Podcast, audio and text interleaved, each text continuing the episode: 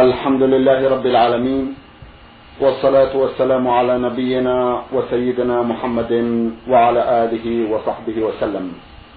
مستمعي الكرام السلام عليكم ورحمة الله وبركاته وأسعد الله أوقاتكم بكل خير. هذه حلقة جديدة مع رسائلكم في برنامج نور على الدرب. رسائلكم في هذه الحلقة نعرضها على سماحة الشيخ عبد العزيز بن عبد الله بن باز. الرئيس العام لإدارات البحوث العلمية والإفتاء والدعوة والإرشاد.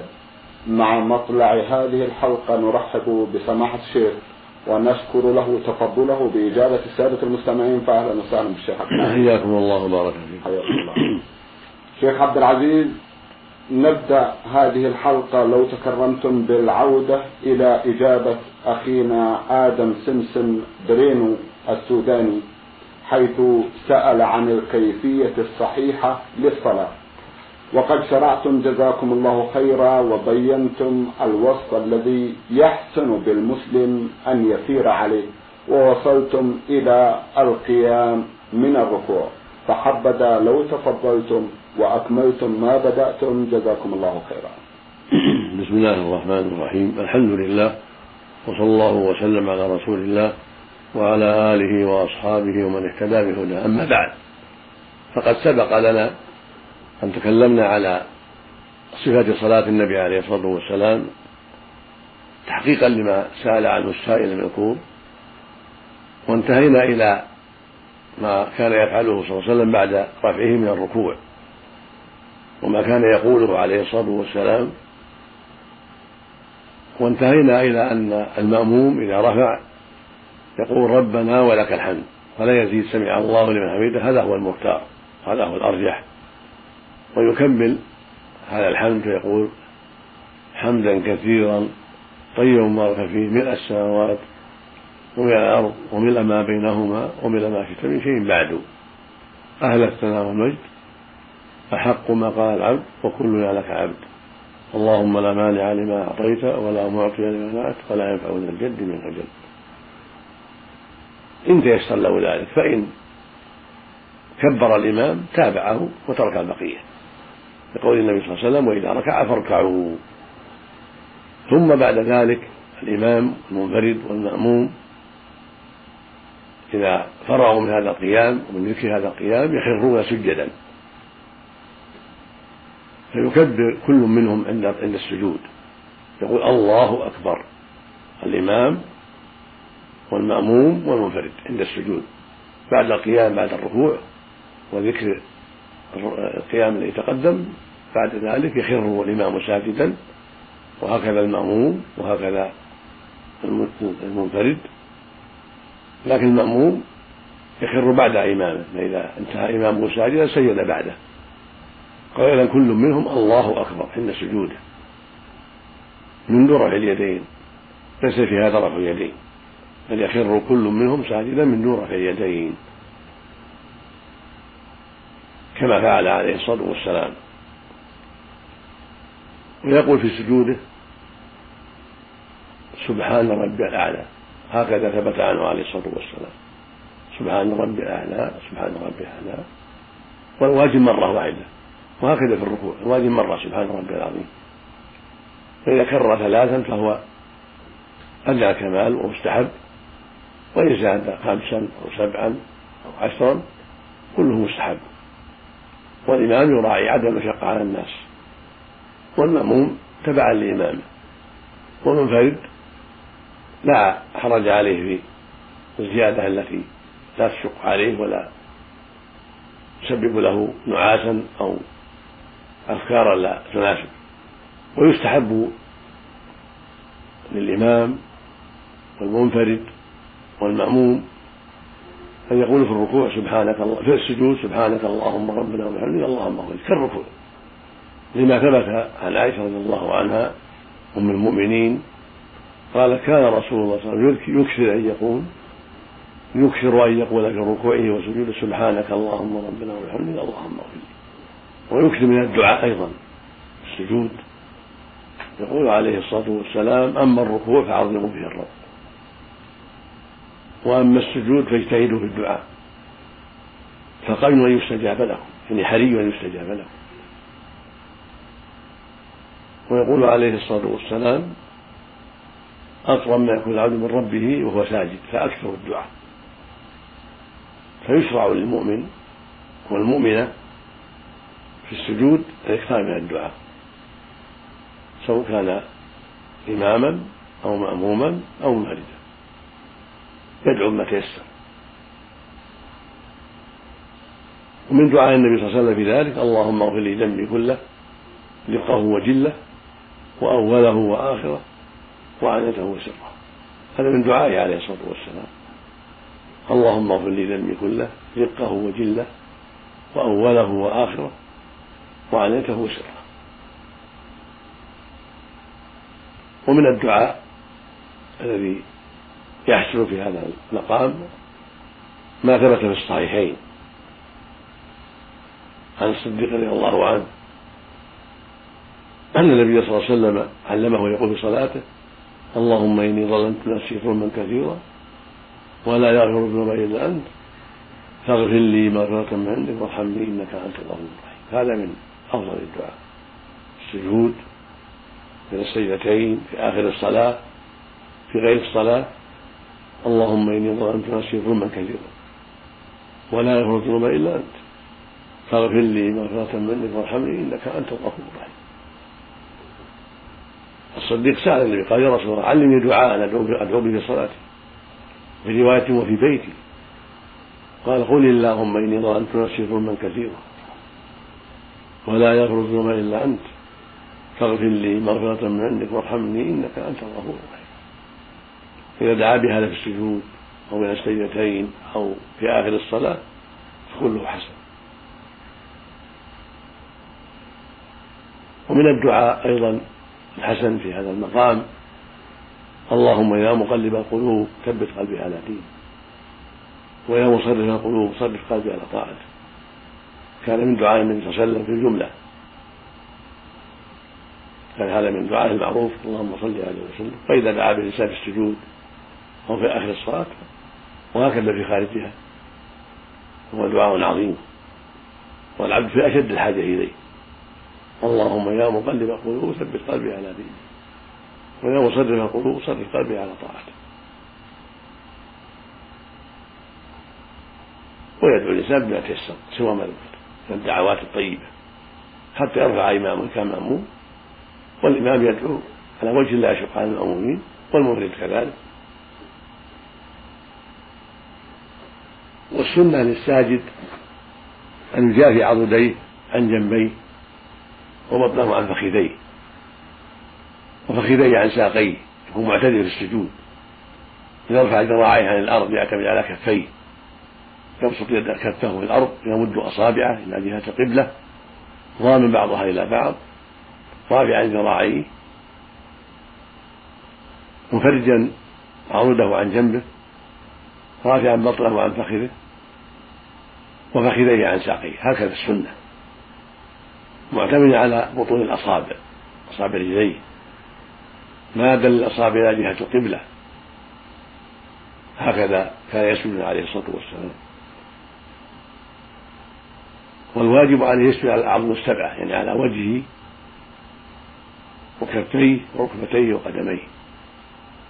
هذا ركن لا بد منه. لقول النبي صلى الله عليه وسلم أمرت أن أسجد على سبعة أعظم على الجبهة وأشار إلى أنفه واليدين والركبتين وأطراف القدمين. فلا بد من هذا في السجود. للرجل والمرأة للإمام والمأموم والمنفرد جميعا. أما كيف ينحط في السجود؟ فقد جاء في هذا سنتان عن النبي صلى الله عليه وسلم. إحداهما أنه ينحط على ركبتيه ثم يضع يديه ثم جبهته وأنفه في الأرض. هذا جاء من حديث وائل بن حج عند أهل السنن في إسناد الحسن وله شاهد من حديث أنس وله شاهد من حديث أبي هريرة في النوع الثاني. والنوع الثاني أنه ينحط على يديه أولا.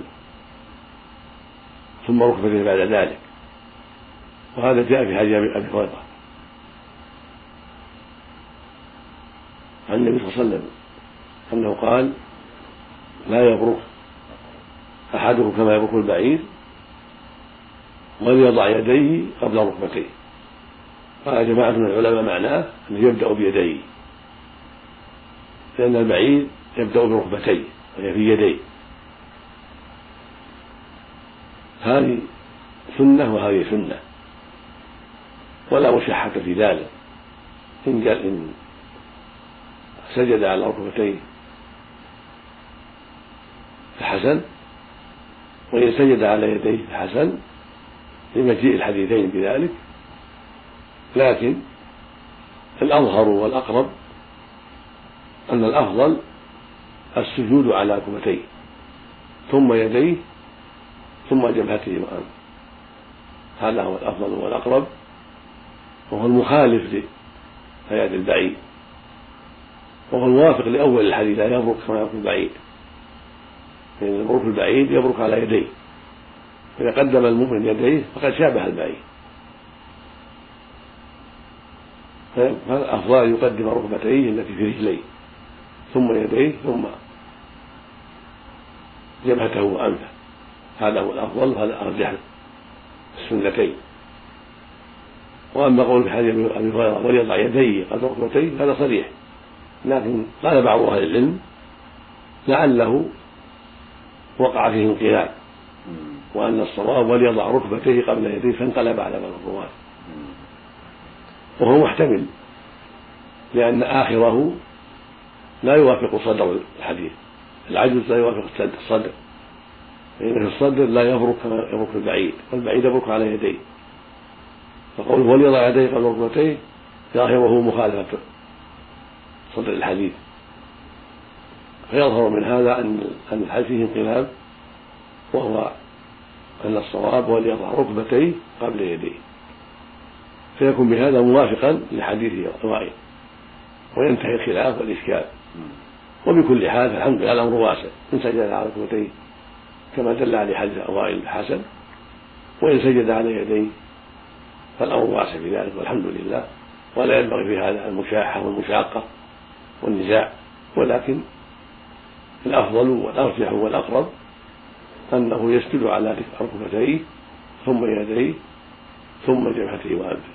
على حديث وائل والأقرب والأظهر أن حديث أبي هريرة لا يخالف حديث وائل لا يخالف حديث وائل ولكنه يوافق في المعنى ولكن حصل في عجزه انقلاب ويظهر أن الحديث قد يضع ركبتيه قبل يديه قبل يديه وبهذا يجتمع الحديثان. وهذا أظهر قول العلماء في الموضوع. ثم يرفع من السجود جالسا على رجله اليسرى ناصبا لليمنى بين السجدتين. ويقول رب اغفر لي رب اغفر لي اللهم اغفر لي اللهم اغفر لي وارحمني واهدني واجبرني وارزقني يدعو ما تيسر ومن ذلك رب اغفر لي رب اغفر لي. اللهم اغفر لي وارحمني واهدني واجبرني وارزقني كما جاء في الأحاديث. يفرش اليسرى ويجلس عليها وينصب اليمنى. هذا هو الأفضل. وكيفما قعد؟ اجزم وإن جلس على عقبيه فرشت إليه وجلس على عقبيه فلا بأس. كما جاء في حديث ابن عباس. وهذا إيقاع لا بأس بالجلوس عليه. إيقاع خاص وهو الجلوس على العقبين. ولكن الأفضل هو الذي جاء في الحديث الكثيرة أنه يفرش اليسرى ويجلس عليها وينصب اليمنى. هذا هو الأفضل. ويضع يديه على فخذيه وأطرافه على ركبتيه. يقول رب اغفر لي رب اغفر لي اللهم اغفر لي وارحمني واهدني واجبرني وارزقني فيما دعا بالمغفرة جاز اللهم اغفر لي ولوالدي اللهم اغفر لي وللمسلمين اللهم إني ظلمت نفسي ظلما كثيرا إلى آخره. فالنبي يطيل هذا هذه الجلسة كما كان يطيل ما بعد الركوع عليه الصلاة والسلام. حتى يقول القائل قد نسي ولكن يلاحظ الإمام لا يشق على الناس. لكن لا ينبغي أن يفعل مثل بعض مثل بعض الناس من جهة العجلة. بعض الناس يعجل ولا يستقر. بعد الركوع ولا بين السجدتين هذا غلط. المشروع أن يطمئن ولا يعجل بين السجدتين وبعد الركوع حال قيام بعد الركوع. رداء بالمصطفى عليه الصلاة والسلام متأسيا به عليه الصلاة والسلام. ثم يسجد الثانية قائلا الله أكبر. من في يديه السجود فيسجد كما سجد في الأولى. ويضع يديه حيال منكبيه أو حيال أذنيه. مادا اصابع أصابعهما إلى القبلة ضاما بعضها إلى بعض رافعا بطنه عن فخذيه فخذيه عن ساقيه مجافيا عضديه عن جنبيه كما تقدم. في هذه السجدة كالتي قبلها ويقول سبحان رب أعلى سبحان رب أعلى سبحان رب أعلى ويدعو ما تيسر في سجوده كما تقدم. وناسب هنا رب الأعلى لأنه حال خضوع وذل وتسفل حتى وضع وضع وجهه على الأرض. فناسب أن يقول رب سبحان ربي الأعلى الذي فوق العرش سبحانه وتعالى فوق جميع الخلق. وهو فوق العرش وعلمه في كل مكان سبحانه وتعالى. وهو في جهة العلو عند أهل السنة والجماعة فوق جميع الخلق.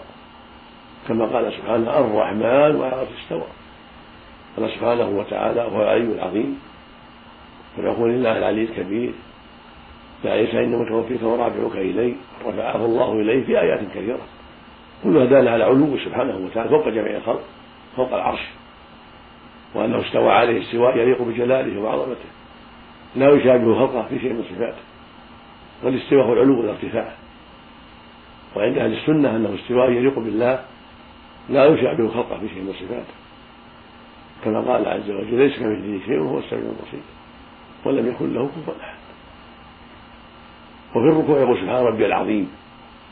لما كان الركوع ذل وخضوع ناسب ان يقول سبحان ربي العظيم.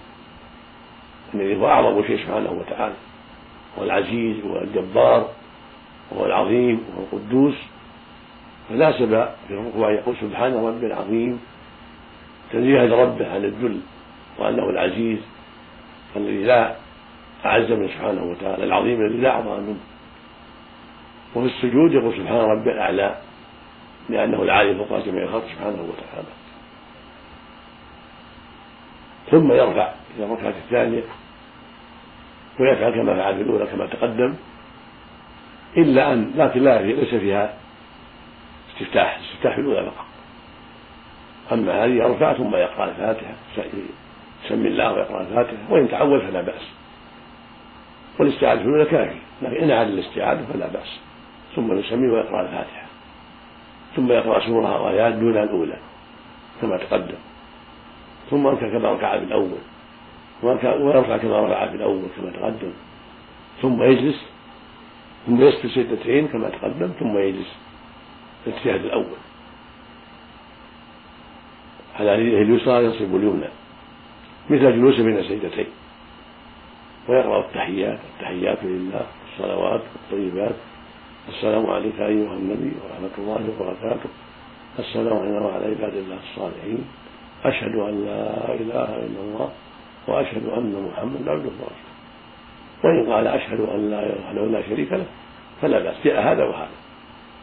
جاء ذكر وحده لا شريك له وجاء أحدها أشهد أن لا إله إلا الله وحده لا شريك له وأشهد أن محمدا عبده ورسوله. فإن شاء رفع. وإن صلى على النبي فهو أفضل. صلى على النبي ثم يرفع يقول للثالث لأن الأحاديث عامة في الصلاة على النبي صلى الله عليه وسلم. بعض أهل العلم قال يكتفي بالشهادة ويقوم.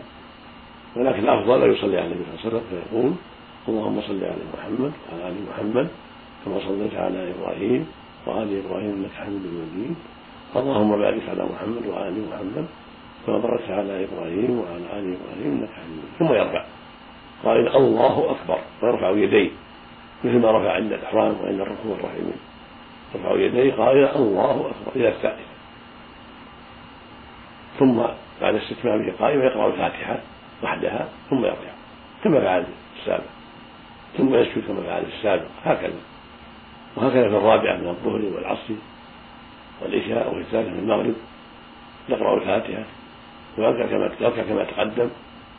ويقول الركوع ما تقدم ويرفع كما تقدم ويقول في الرفع ما تقدم ويسجد كما تقدم ويقول في السجود كما تقدم سواء بسواء.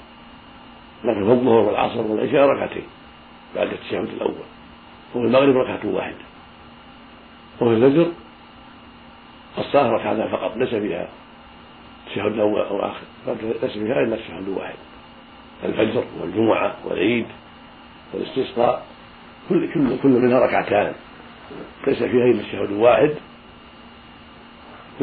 يأتي بالتشهد يصلي على النبي صلى الله عليه وسلم ثم يدعو. وهكذا في التشهد الأخير في المغرب والعشاء والظهر والعصر. يأتي بالتحيات كما تقدم ويصلي على النبي صلى الله عليه وسلم كما تقدم ثم يدعو. فسيتعوذ بالله من عذاب جهنم ومن عذاب القبر ومن فتنة المحيا والممات ومن فتنة المسيح الدجال كما جاء في الخبر عن النبي صلى الله عليه وسلم. إنه كان يفعل ذلك. وجاء عنه صلى الله عليه وسلم أنه أمر بذلك أيضا. فيقول اللهم أعوذ بالله من عذاب جهنم ومن عذاب القبر ومن فتنة المحيا والممات ومن فتنة المسيح الدجال. ويدعو ما احب منها اللهم أعني على ذكرك وشكرك وحسن عبادك اللهم اغفر لي ما قدمت وما أخرت وما أسررت وما أعلنت وما أسرفت وما أنت أعلم مني أنت المقدم وأنت المؤخر لا إله إلا أنت. اللهم إني أعوذ من البخل واعوذ من الجبن واعوذ ان ارد إلى ارض العمر واعوذ من فتن الدنيا واعوذ من عذاب كل هذا جاء النبي صلى الله عليه وسلم في آخر الصلاة.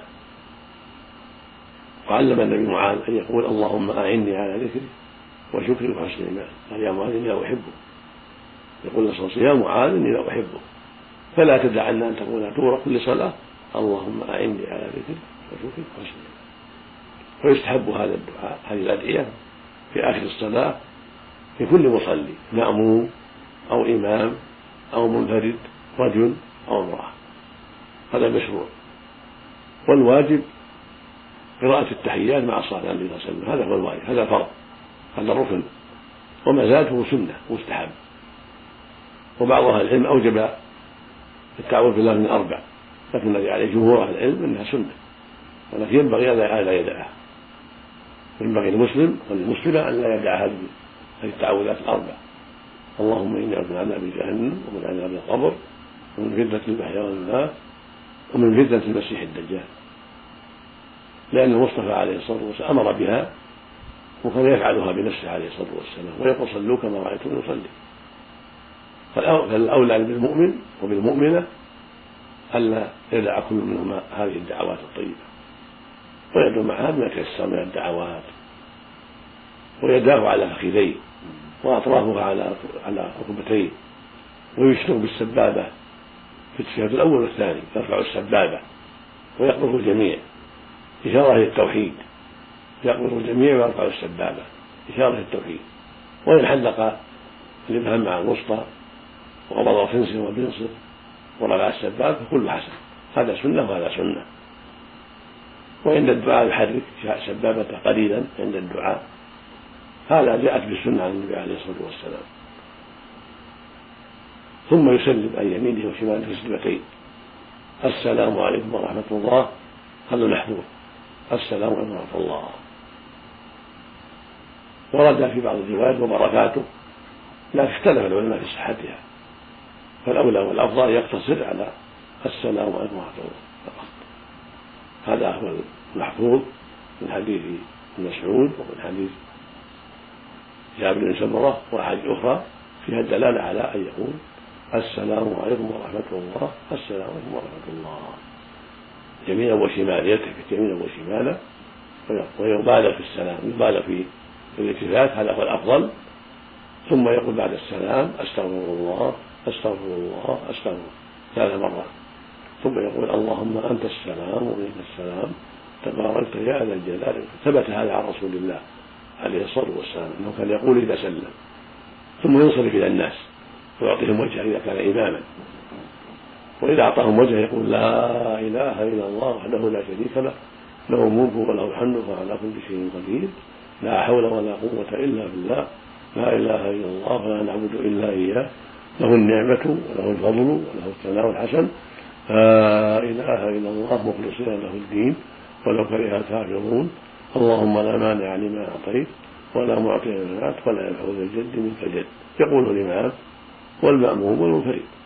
ويستحب للجميع أيضا أن يأتوا بالتسبيح والتحميد والتكبير 33 مرة. سبحان الله والحمد لله والله أكبر. ثلاثة وثلاثين مرة.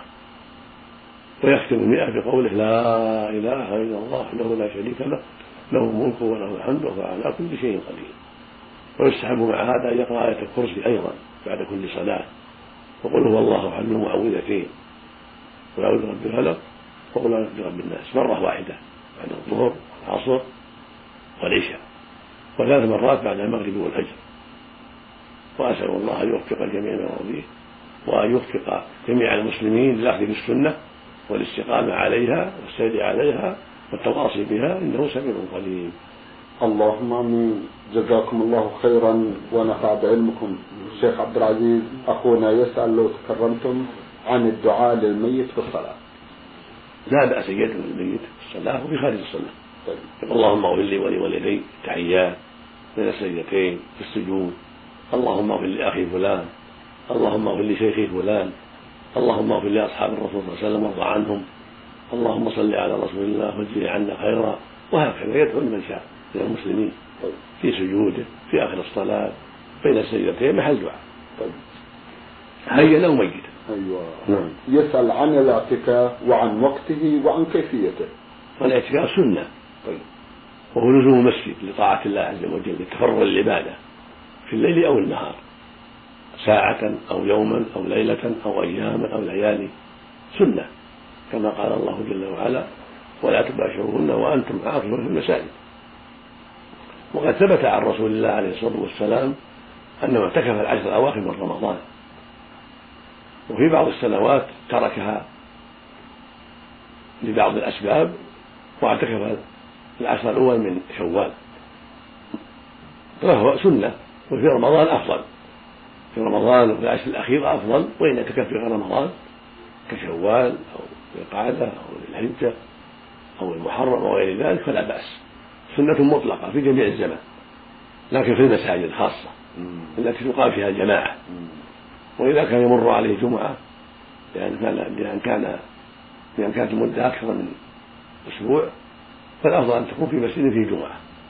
الأفضل أن يكون الاعتكاف في مسجد في جمعة حتى لا يحتاج الخروج إليها. فإن اعتكف في مسجد آخر ليس فيه جمعة فلا بأس. إذا جاءت الجمعة يخرج إليه. فالمعتكف يقصد بوجه بعبادته وجه الله عز وجل والتفرغ على العبادة والأنس بالله عز وجل. ولهذا قال بعضهم الاعتكاف انه قطع قطع العلائق عن كل الخلائق للاتصال بخدمة الخالق. والخلاصة أنه تفرغ تفرغ العبادة للذكر والدعاء والعبادة في المسجد. ولا بأس أن يزوره أهله كما كانوا يزور النبي صلى الله عليه وسلم. ولا بأس أن يزوره بعض إخوانه.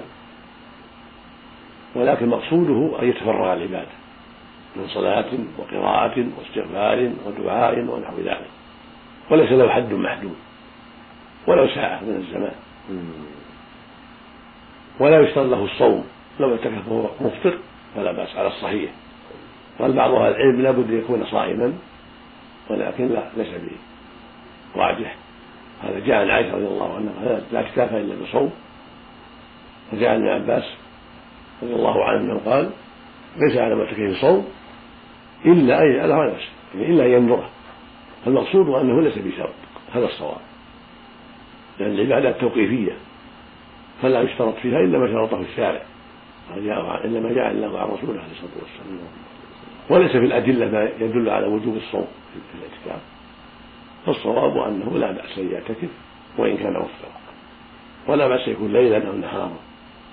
وقد ثبت عن عمر رضي الله عنه أنه سأل النبي صلى الله عليه وسلم فقال إني نذرت في الجاهلية.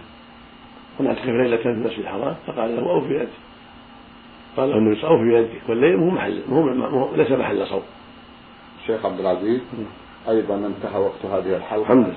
إذا بقي شيء فأرجو أن تتاح لنا فرصة في جلسات قادمة انتهى مع بحث الاعتكاف انتهى. الحمد لله. انتهى هذا البحث. بحث الاعتكاف انتهى. جزاكم الله خيرا. مستمعي الكرام كان لقاؤنا في هذه الحلقة مع سماحة الشيخ عبد العزيز ابن عبد الله بن باز الرئيس العام لإدارات البحوث العلمية والإفتاء والدعوة والإرشاد. من الإذاعة الخارجية سجلها لكم أخونا سليمان اللحيدان شكرا لكم جميعا وسلام الله عليكم ورحمته وبركاته.